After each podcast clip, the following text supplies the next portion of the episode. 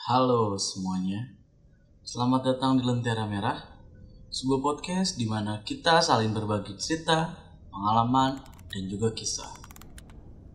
Berhubung saat ini kita sudah memasuki bulan suci Ramadan, jadi saya ucapkan selamat berpuasa buat kalian yang menjalankan dan semoga tetap sehat untuk semuanya. Hari ini adalah lanjutan dari bagian 5 dan sekarang adalah bagian 6 sebelum kita nerusin nih biar kita ngobrol bentar kan kita udah sampai bagian 5 nih. Nah itu gimana menurut kalian? Ceritanya enak kan pengalamannya beneran serem gak kalau buat gue pribadi sih dia bener-bener serem. Gitu. dan ya tiap orang emang punya cerita seremnya masing-masing sih. Dan kadar seram seseorang itu beda-beda. Cuma kalau menurut gue balai desa ini salah satu cerita yang bikin bulu kuduk gue tuh merinding. Tiap kali dengar ceritanya atau baca ceritanya Nah, kalau menurut kalian gimana? Semoga cerita balai desa ini bisa cukup memuaskan dahaga kalian akan sebuah pengalaman horor yang gak akan pernah dilupain oleh orang yang mengalaminya langsung. Jadi sebelum kita mulai, seperti biasa, mari kita dengarkan apa yang melewat satu ini.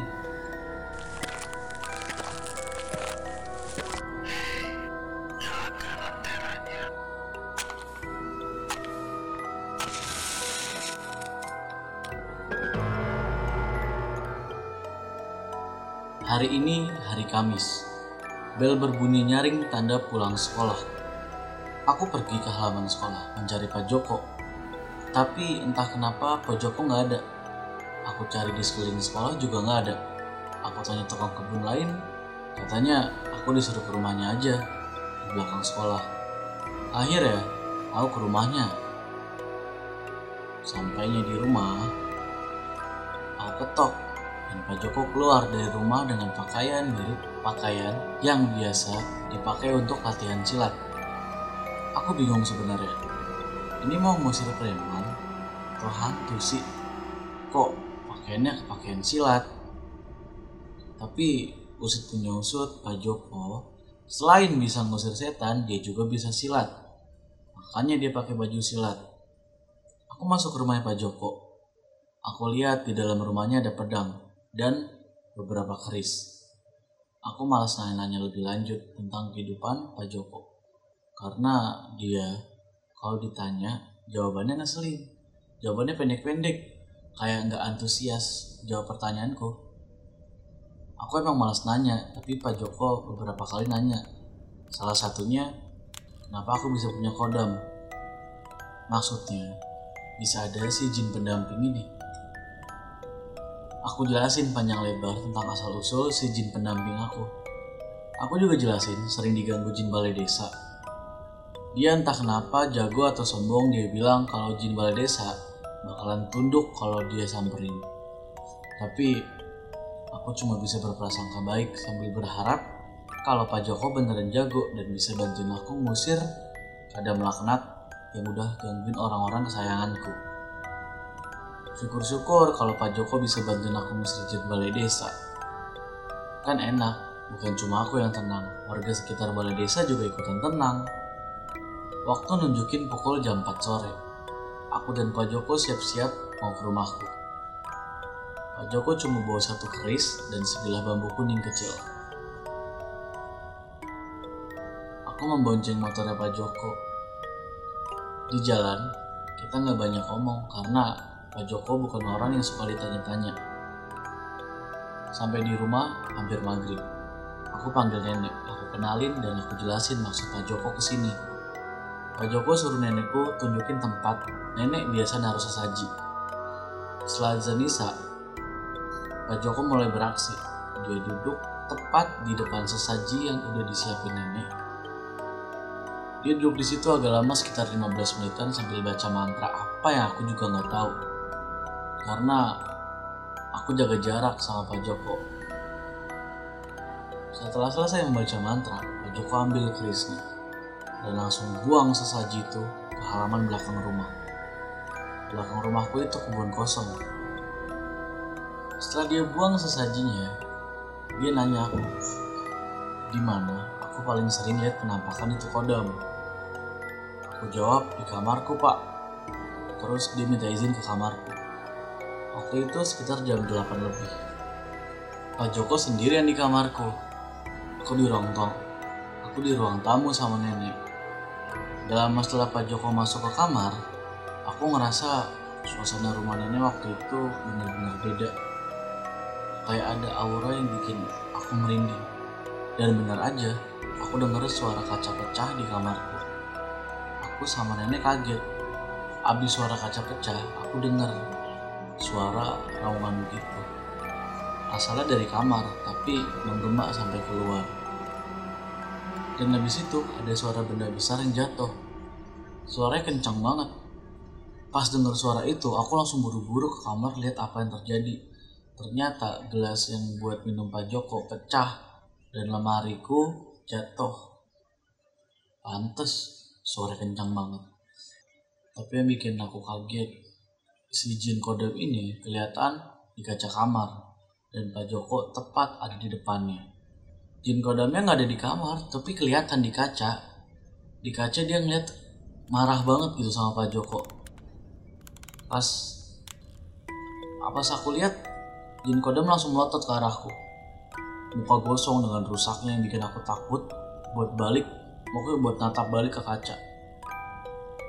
Aku nunduk nggak berani lihat ke kaca. Pak Joko teriak dalam bahasa Jawa. Lawanmu kui dudu bocah ke.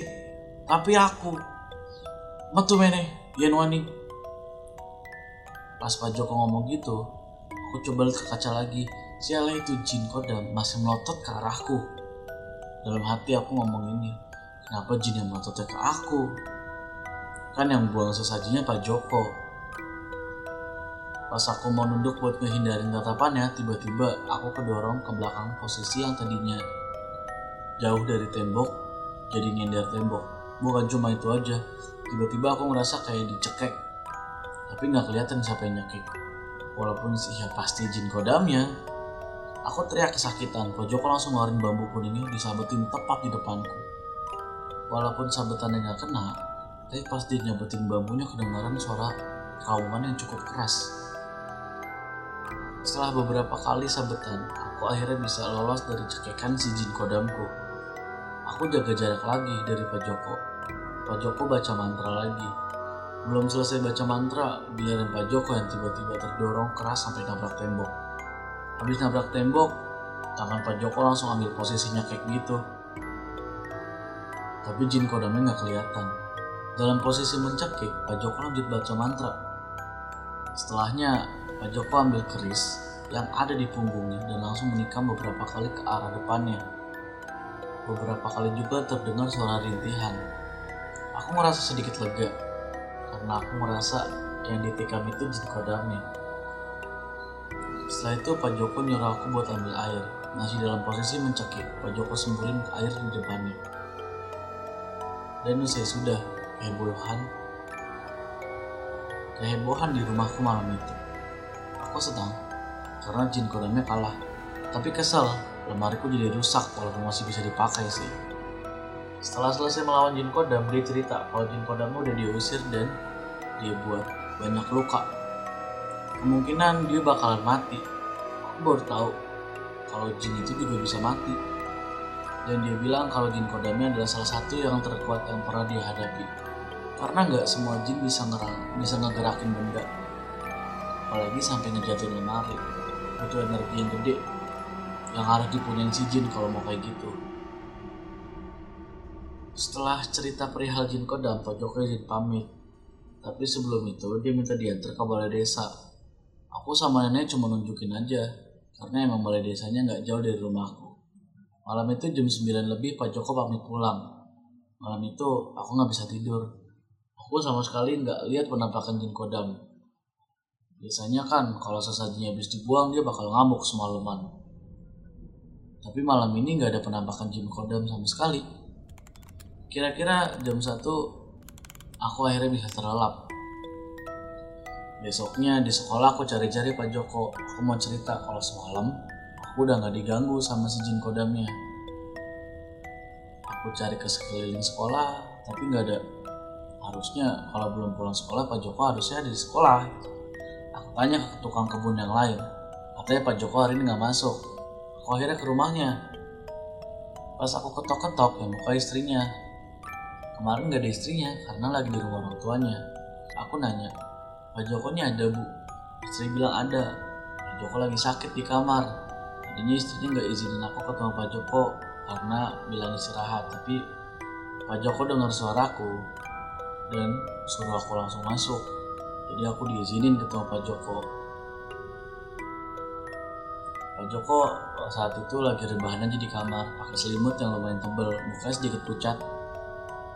Belum sempet aku nanya kenapa, Pak Joko langsung nyuruh aku duduk. Dan dia langsung cerita, kalau semalam dia ke balai desa, dia sempat ngelawan jin mata merah. Dan luka bakar yang masih mengeluarkan bara di sekujur tubuhnya. Aku langsung nebak itu pasti jin penguasa di balai desa. Dan Pak Joko kalah telak. Dia meninggalkan bekas luka lebam di punggung dan di lehernya. Sambil gemetaran, Pak Joko bilang kalau jin balai desa itu bahaya. Dan mungkin aku dalam bahaya kalau nggak pergi dari desa itu. Aku sempat nanya, apakah nggak bisa dilawan aja jinnya? Pak Joko cuma bisa geleng-geleng karena dia udah, dia aja udah kalah telak dibanding yang lain. Setelah selesai dari Pak Joko, aku balik ke sekolah sambil pusing mikirin jin balai desa yang udah bikin Pak Joko terkapar di kamarnya. Entah apa yang diperbuat oleh jin penguasa balai desa sampai meninggalkan bekas luka yang cukup parah. Dada lebam, dada lebam membiru seperti terkena pukulan yang teramat sangat keras. Selepas itu, aku udah gak lihat lagi Pak Joko di sekolah. Kata teman kerjanya sih, dia sakit. Seminggu sudah setelah kejadian Pak Joko ke rumah, sampai hari ini Pak Joko masih belum kelihatan di sekolah. Aku akhirnya memutuskan untuk nengokin Pak Joko nanti setelah Bel pulang sekolah.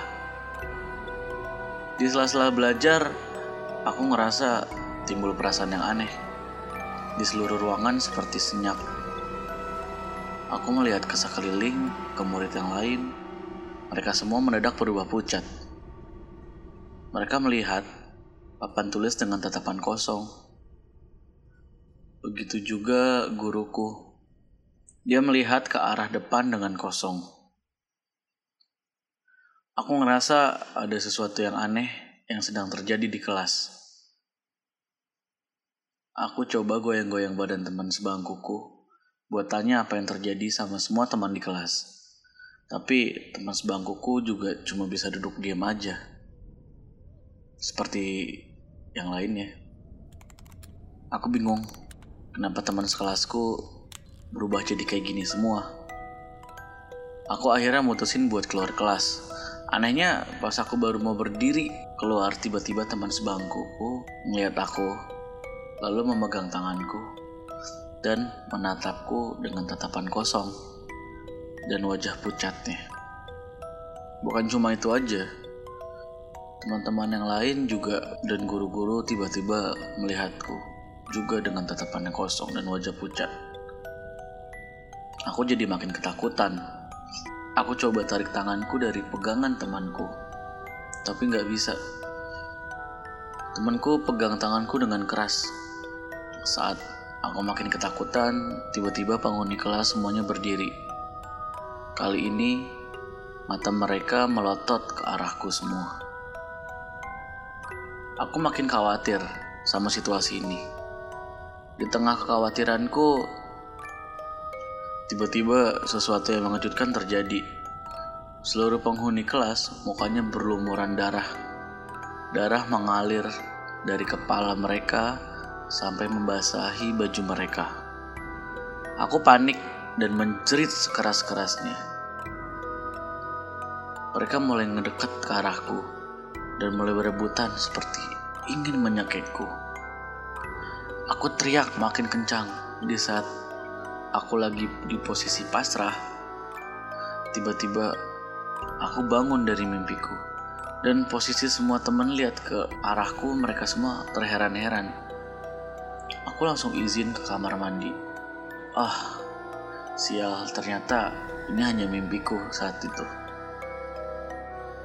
Di kamar mandi, aku cuci muka. Aku punya perasaan yang gak enak sama mimpi itu. Aku bakalan tanya nanti pas ketemu Pak Joko. Bel berbunyi. Aku udah mau siap-siap ke rumah Pak Joko. Tapi tiba-tiba pacarku SMS minta ketemuan. Akhirnya hari itu aku tunda ke rumah Pak Jokonya. Karena aku udah seminggu nggak ya kalian tau lah sama pacarku. Aku janjian sama dia di gerbang sekolah. Pas aku lagi nungguin dia aku lihat Pak Joko lagi nyapu di halaman sekolah. Jaraknya agak jauh. Aku teriakin tapi Pak Joko nggak nggak ngerespon apa-apa kayak nggak dengerin. Aku teriak agak kenceng. Nah kali ini dia ngerespon. Dia nengok ke arahku tapi setelah itu dia lanjut nyapu lagi aku bingung Kenapa Pak Joko cuma nengok doang? Pas aku mau samperin pacarku datang. Akhirnya nggak jadi nyamperin deh. Aku jalan sama pacarku dengan perasaan sedikit ganjel. Banyak kejadian yang sangat mengganjal di hatiku di hari ini. Aku jalan sama pacarku sampai malam. Setelah aku anterin pacarku pulang, Aku pulang seperti biasa lewat balai desa. Karena rumahku kan emang harus lewat situ. Sebenarnya semenjak kejadian Pak Joko sakit itu aku udah nggak pernah digangguin sama kodam ataupun jin balai desa. Itu yang ngebuat aku berani pulang malam. Biasanya sih kalau aku lagi pacaran sama dia jarang buat pulang malam. Bisa dihitung jari kali pulang malamnya.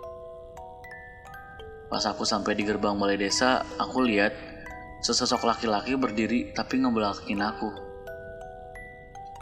Karena aku takut kenapa-kenapa, aku akhirnya cuekin aja laki-laki itu. Soalnya pengalaman buruk beberapa kali, kalau ngerespon penampakan di balai desa, malah susah pulang yang ada. Tapi sekilas kok mirip Pak Joko. Sampai di rumah, aku masih penasaran. Tadi itu Pak Joko atau bukan ya? Soalnya mirip banget kalau dilihat dari belakang. Malam itu aku tidur dengan perasaan yang masih sangat penasaran. Besoknya pas sampai di sekolah, ada berita buruk. Bendera kuning ada di depan sekolah dan ternyata Pak Joko meninggal. Hari itu adalah hari pemakaman Pak Joko. Raut sedih terlihat di rumah duka. Istri dan dua anaknya tampak masih terlihat beberapa kali mengusap air mata di pipinya. Aku yang juga merasakan kehilangan yang sama, sempat beberapa kali tak bisa menahan air mata yang mengalir. Selesai pemakaman, aku kembali mengunjungi keluarga Pak Joko untuk menyampaikan langsung rasa kehilanganku karena dari tadi istri Pak Joko tak ada hentinya menangis. Sehingga baru ini aku bisa ngomong langsung dengan istri Pak Joko. Ibu, saya turut berduka atas kepergian Pak Joko. Saya juga minta maaf karena Pak Joko meninggal mungkin karena saya. Kataku. Bukan nak, ini sudah takdirnya. Pak Joko sudah pulang, bukan salah siapa-siapa. Ibu malah senang suami ibu meninggal karena telah membantu orang, kata Bu Joko sambil berusaha tegar. Ya bu, terima kasih untuk ibu dan keluarga yang sudah mau memaafkan dan mengerti keadaan saya. Kataku rada bersyukur karena aku agak takut juga dimusuhin sama istri Pak Joko. Setelah aku menyampaikan rasa bela sungkawa, aku sebenarnya ingin undur diri pulang, tapi istri Pak Joko suruh aku tunggu orang-orang pada pulang karena katanya ada yang ingin disampaikan. Akhirnya aku turutin karena aku juga penasaran apa yang mau disampaikan sama Bu Joko. Aku nunggu lumayan lama, kira-kira 3 jam lebih. Bete juga sih sebenarnya. Waktu itu aku belum punya HP Android kayak sekarang. Jadi nunggu selama itu bener-bener berasa. Setelah tamu terakhir pulang, akhirnya aku dipanggil ke dalam rumah. Di sana ada Ibu Joko dan dua anaknya yang masih SMP dan SD duduk berdekatan. Aku langsung tanya perihal apa yang ingin disampaikan sama Bu Joko. Lalu Bu Joko bercerita sekitar hampir satu jam. Begini ceritanya. Malam itu setelah siangnya aku nengokin keadaan Pak Joko, malamnya Pak Joko teriak-teriak histeris di kamarnya. Dalam keadaan badan yang tidak bisa bangun, dia seperti diperlihatkan sosok yang hanya bisa dilihat oleh Pak Joko. Bu Joko waktu itu bingung apa yang dilihat Pak Joko. Pak Joko terus-terusan teriak. Iku setane, iku setane. Sambil menutup mata dengan bantal. Maksudnya itu setannya, itu setannya. Sehabis teriak-teriak, Pak Joko mendadak melotot. Matanya seolah ingin keluar. Saat Bu Joko panik dan ingin meminta pertolongan, tiba-tiba tangan Pak Joko memegang tangan istrinya dan dia napak sadarkan diri. Sudah bu, sudah tidak apa-apa, kata Pak Joko sambil menghalangi istrinya untuk meminta bantuan. Tahu suaminya seperti sudah sadarkan diri, Bu Joko menanyakan apa yang barusan ia lihat tadi, yang membuat Pak Joko jadi histeris. Pak Joko bilang kalau yang dilihat tadi tak lain dan tak bukan adalah jin penguasa balai desa. Dia mengejar Pak Joko sampai ke rumahnya. Pak Joko bilang kalau jin itu masih sangat marah sama Pak Joko karena berani-beraninya masuk mengusik balai desa, tempat di mana ia berkuasa. Pak Joko juga berpesan, mungkin tak lama lagi dia akan menemui ajalnya. Karena jin yang selama ini menolong Pak Joko atau kodamnya telah kalah dan kini menjadi budak jin balai desa. Karena itu, dia kini sudah tak punya pegangan lagi. Mendengar itu, istri Pak Joko menangis karena biar bagaimanapun dia nggak mau kehilangan suami yang ia cintai. Lalu Bu Joko sempat menanyakan, apakah ada yang bisa dilakukan untuk melawan jin itu. Pak Joko menyuruh istrinya untuk berkunjung ke gurunya di daerah Gunung Kidul. Karena waktu itu Pak Joko kondisinya dalam keadaan yang nggak bisa bangun. Karena itu, jalan satu-satunya istri Pak Joko besoknya berangkat sendirian. Anak-anaknya dititipkan di saudaranya. Aku nggak ngebayangin perempuan sendirian ke Gunung Kidul. Udah itu nggak dikasih alamat lengkap, cuma dikasih nama doang. Nama gurunya Mbah Sarmin. Istrinya udah ke sana beberapa hari, dia nyari sampai sempat putus asa. Sampai akhirnya tiba-tiba aja dia ketemu orang aneh. Dan ternyata itu jin yang Mbah Sarmin. Sampai di tempat gurunya, istri cerita masalah yang terjadi, semua dia ceritain. Setelah selesai cerita, istri minta tolong buat supaya dibantu nolongin Pak Joko. Tapi istri dibuat kecewa, gurunya bilang gini, sudah pulang saja, karena saya juga tidak bisa membantu. Ini saya titipkan anak buah saya yang bakal nemenin kamu dan anak-anak kamu dari serangan jin balai desa, kata Mbak Sarmin.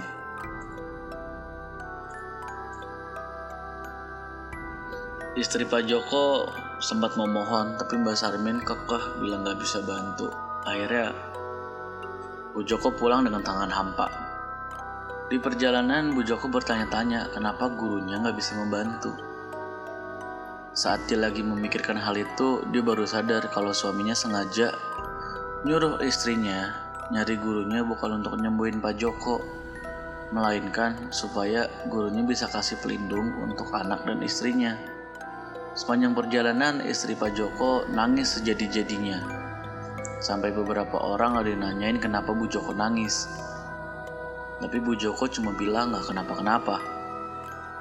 Sampai di rumah, Bu Joko langsung nyamperin suaminya yang kondisinya semakin lemah. Bu Joko nangis sejadi-jadinya. Lihat istrinya pulang dengan selamat, Pak Joko meneteskan air mata bahagia. Saat itu tiba-tiba saja Pak Joko kayak ada nyakek. Pak Joko diem aja nggak ngelawan. Mungkin dia udah tahu kalau ini waktunya dia pergi. Sampai istrinya teriak-teriak kebingungan. Dan tetangganya yang juga tukang kebun datang. Saat tetangganya datang, Pak Joko udah nggak ada. Itulah terakhir kali Pak Joko menghembuskan nafas terakhir ya. Istrinya cerita itu sambil beberapa kali mengusap air matanya yang gak berhenti mengalir. Dan terakhir istrinya bilang kalau gurunya Pak Joko berpesan. Penguasa balai desa ingin aku jadi tumbalnya. Jadi jangan libatkan orang lain lagi. Karena ditakutkan bakal ngerasain hal yang sama kayak Pak Joko. Setelah mendengar cerita istrinya Pak Joko dan pesannya, aku pamit pulang. Gak lupa aku kasih sedikit uang tabunganku. Aku pulang ke rumah dengan perasaan sedih, terharu, sekaligus bingung. Apa yang harus aku lakuin sama jin balai desa itu? Beberapa hari berlalu setelah kematian Pak Joko, masih belum ada tanda-tanda penghuni balai desa akan mengganggu lagi. Aku pikir setelah kematian Pak Joko bakalan banyak penampakan yang mulai datengin aku. Tapi malah belum kelihatan juga. Tapi nggak apa-apa lah, aku pikir malah bagus. Aku jadi nggak spot jantung. Mungkin jantungku udah disuruh istirahat, lihat kuntilanak, pocong, atau penguasa balai desa yang membuat shock. Aku nikmatin aja hari-hari tanpa penampakan setan balai desa. Dua minggu berlalu, belum ada penampakan apa-apa dari penghuni balai desa. Mungkin mereka udah taubat kali ya gangguin aku. Pikirku waktu itu. Karena mereka udah gak pernah kelihatan, aku mulai berani keluar malam-malam. Kadang main ke rumah pacarku sampai jam 8 malam. Gak ada apa-apa di balai desa. Aku malemin lagi sampai jam 9 masih nggak ada apa-apa juga. Sampai kira-kira udah mau sebulan nggak ada penampakan, aku beraniin diri buat ajak pacar ke rumahku, ke rumah nenek maksudnya. Kasian, semenjak pacaran belum pernah main ke rumahku sekalipun. Soalnya aku nggak berani bawa dia ke sini, takut kenapa-kenapa. Aku diapa-apain sama si Jin balai desa. Waktu itu habis ujian semester akhir, mau naik kelas 2 SMA. Buat ngilangin penat, aku ajak dia nongkrong di pematang sawah yang gak jauh dari rumah. Waktu itu belum jam 8, masih jam 7 sore.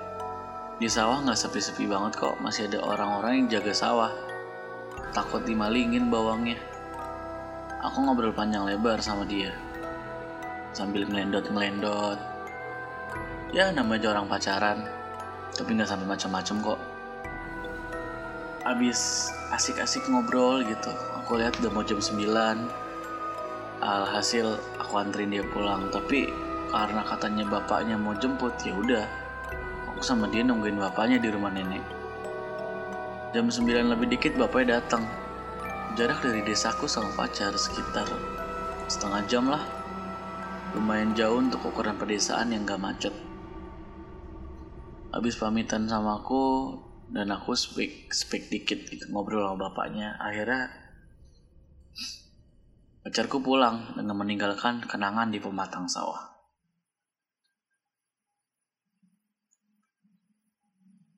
Aku buru-buru ke kamar buat siap-siap tidur. Aku udah mau tidur nyenyak waktu itu pokoknya. Sambil ngebayangin wajah cantiknya, aku berusaha buat merem. Di saat aku udah mau merem, tiba-tiba ada yang ngetok pintu rumahku. Ngetok pintu beberapa kali, tapi sama nenek kok nggak dibukain, pikirku. Apa nenek udah tidur ya? Ya udah, aku akhirnya terpaksa deh bukain pintu. Dalam hati, siapa sih ini udah mau tidur juga ganggu aja. Pas aku buka, aku teriak, kaget. Seketika yang aku lihat ternyata waktu itu sosok hantu yang belum pernah aku lihat sebelumnya. Sosok hantu perempuan yang kepalanya sedang ditenteng oleh tangannya. Dia hantu perempuan tanpa kepala. Mana darah dari lehernya kental banget, ada belatungnya lagi. Aku kali ini benar-benar kaget, takut, shock bercampur baur. Karena ini hantu baru pertama kali aku lihat. Aku seketika itu juga langsung refleks tutup pintu. Bayangin aja, malam-malam di desa yang angker ada orang ketok-ketok pintu dan semuanya udah pada tidur. Pas dibuka ternyata penampakan setan yang nggak ada kepala. Maksudnya yang kepalanya dipegang sama tangannya sendiri dan gak nempel di lehernya. Siapa coba yang gak shock? Mana kepalanya yang ditenteng rusak lagi mukanya. Setelah tutup pintu, aku langsung lari ke kamar nenek. Tapi anehnya pas aku mau buka, pintunya malah nggak bisa dibuka. Kayak kekunci gitu. Padahal setahu kamar nenek itu kuncinya hilang. Jadi nggak pernah dikunci kamarnya. Ya kapan pun gitu nggak pernah. Aku tahu ini pasti Gina sengaja biar aku nggak bangunin nenekku. Aku gedor-gedor pintunya. Tapi nenek juga nggak bangun. Aku udah tahu kalau ini emang ulah jin balai desa. Mau ngerjain aku sendirian. Dan ngomong-ngomong jin balai desa emang jarang ganggu orang-orang terdekatku nggak kayak jin kodam yang waktu itu tuh. Jin balai desa cuma beberapa kali aja ganggu orang terdekatku. Itu pun yang masih satu desa. Pacarku yang beda desa aja nggak pernah digangguin. Kondisiku waktu itu nggak bisa bangunin nenek bikin ketar-ketir. Akhirnya aku lari ke kamar aja. Di kamar ngumpet di bawah selimut. Suasana mendadak dingin. Aku merinding, bener-bener merinding waktu itu. Saat aku ngumpet di bawah selimut, suasana kayak lenggang, hening banget. Gak ada suara apa pun. Aku pikir gak akan ada lagi penampakannya.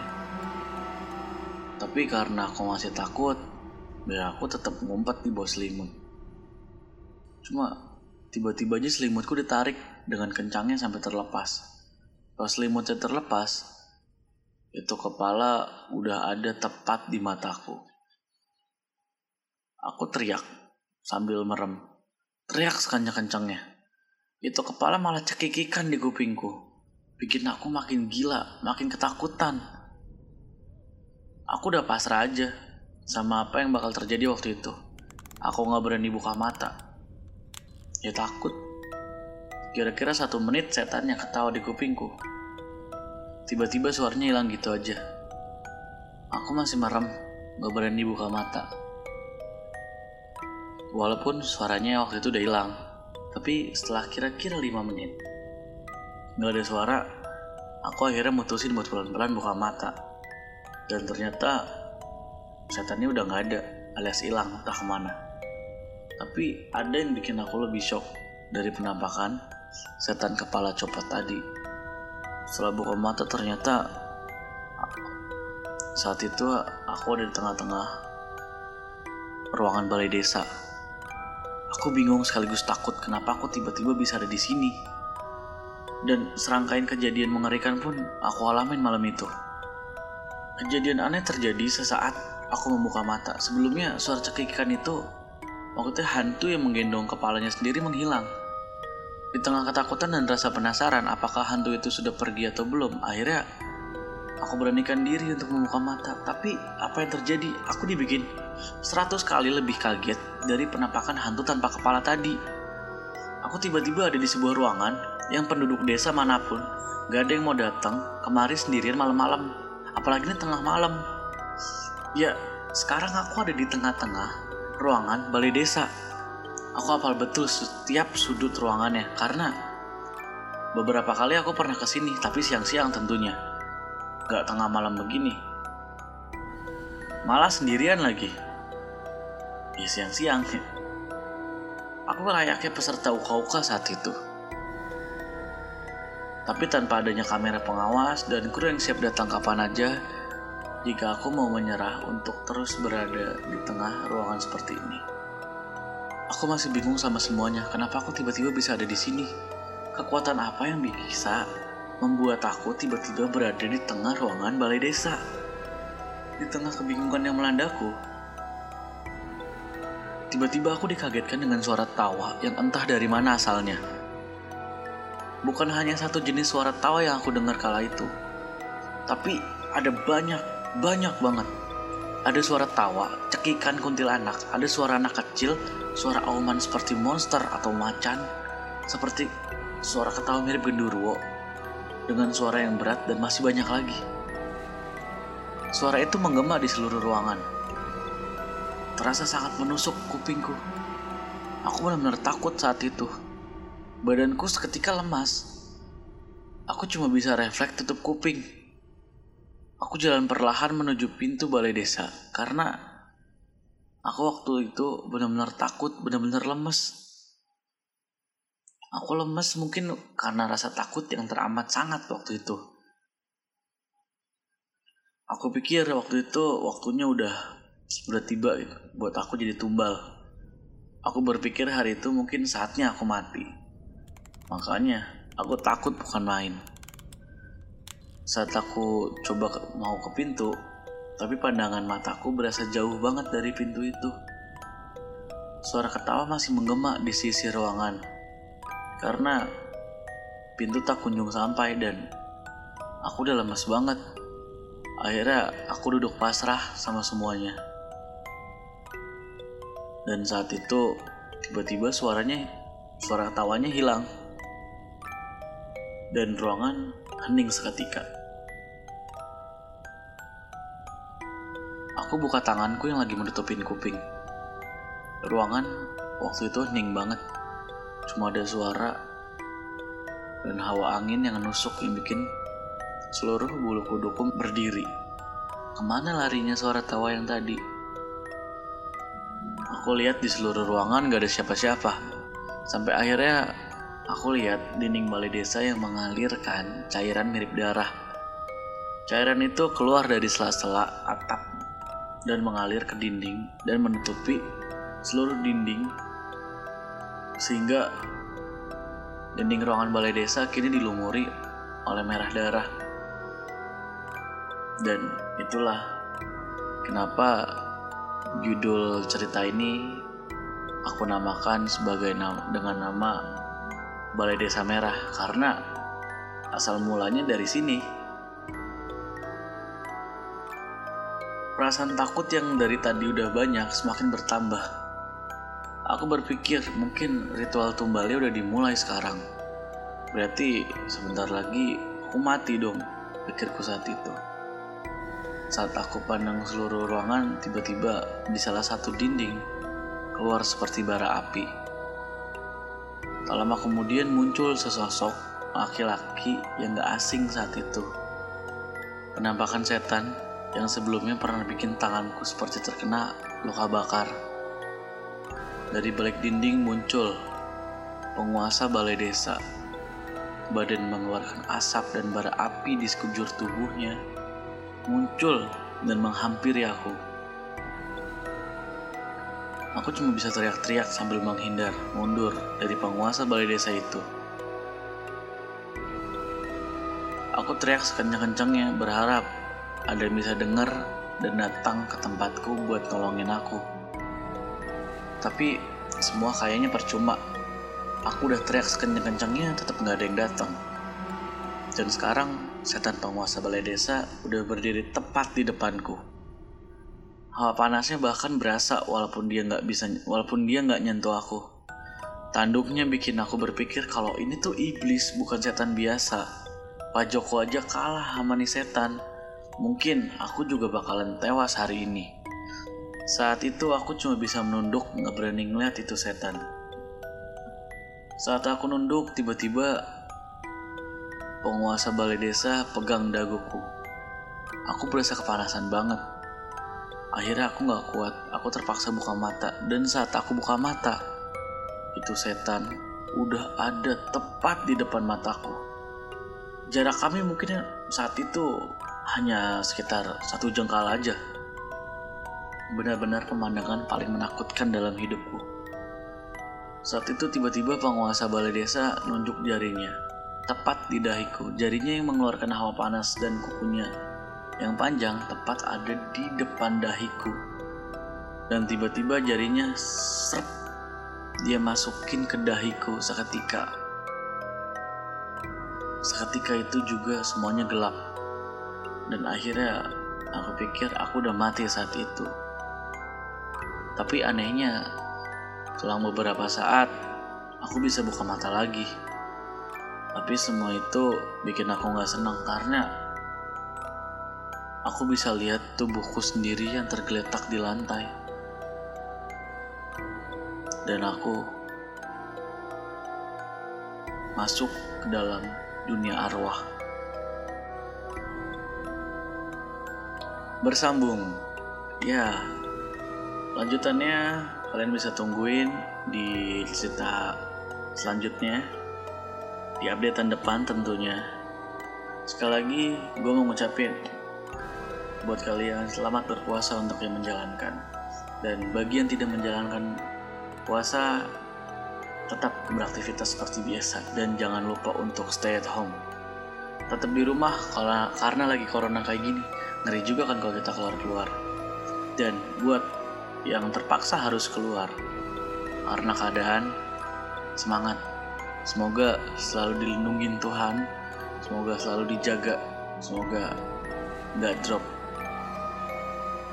itu aja buat hari ini dan jangan lupa uh, gue juga mau ngingetin buat kalian yang nonton ini di YouTube jangan lupa subscribe dan juga dan juga like terus Jangan lupa juga beriin komentar menurut kalian bagian mana nih Pak yang paling serem di dalam Balai Desa series ini.